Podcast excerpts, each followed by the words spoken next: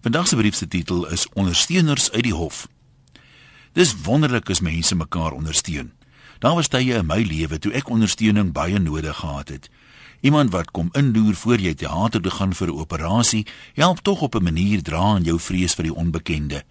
En as die operasie dalk nie suksesvol is nie en hulle stoot jou in plaas van terug saal toe na die ander kant toe as jy uit die teater kom, beteken dit net so baie vir jou naasbestaandes as almal jou deugde op jou begrafnis onthou.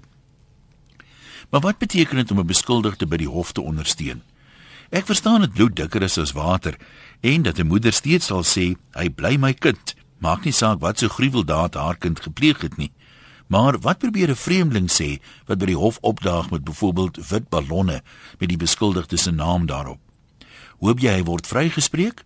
En indien wel, op grond waarvan hoop jy dit? Die blote feit dat jy voor die hofsaak 'n aanhanger van hom was? Dis seker elkeen se reg om by die hof te ondersteun wie hy wil. Sal jy net so konsekwent verdraagsaam wees as die rolspelers anders was?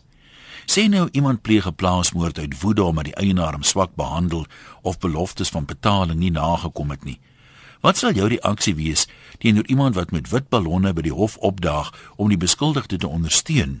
Veral as daai persoon gaan staan langs die slagoffer se ondersteuners met hulle plakkate waarop staan mag jy brand in die hel gaan jy dan net so verdraagsaam wees of skree jy bring die doodstraf terug?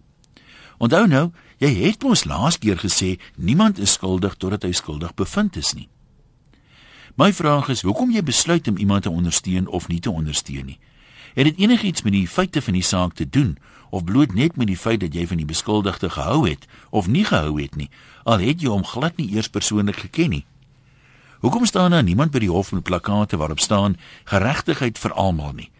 Maak dit nie meer sin om te wag totdat die staat en die verdediging albei kans gehad het om al hulle bewyse voor te lê sodat die hof al die getuienis kan opweeg en tot 'n regverdige beslissing kan kom nie? Hoop jy geregtigheid geskied of as jy een van daai mense wat so behep is met jou eie opinie dat jy daarmee volhard, maak nie saak wat die hof beslis nie? Jy kan mos nog altyd sê jy was reg.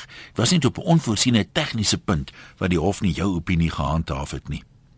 Ek het baie vrae vandag, maar miskien moet ek met hierdie een volstaan. Dit neem 5 jaar se opleiding aan die universiteit en lang jare se ondervinding as advokaat voordat iemand eers as regter gekeur kan word. Nou wat laat elke tweede leek dan nou dink hy kan regter speel? Dit nadat hy net vir die eerste keer 'n hofsaak op TV gesien het. Of soek jy ook maar net sensasie? Groete van oor tot oor.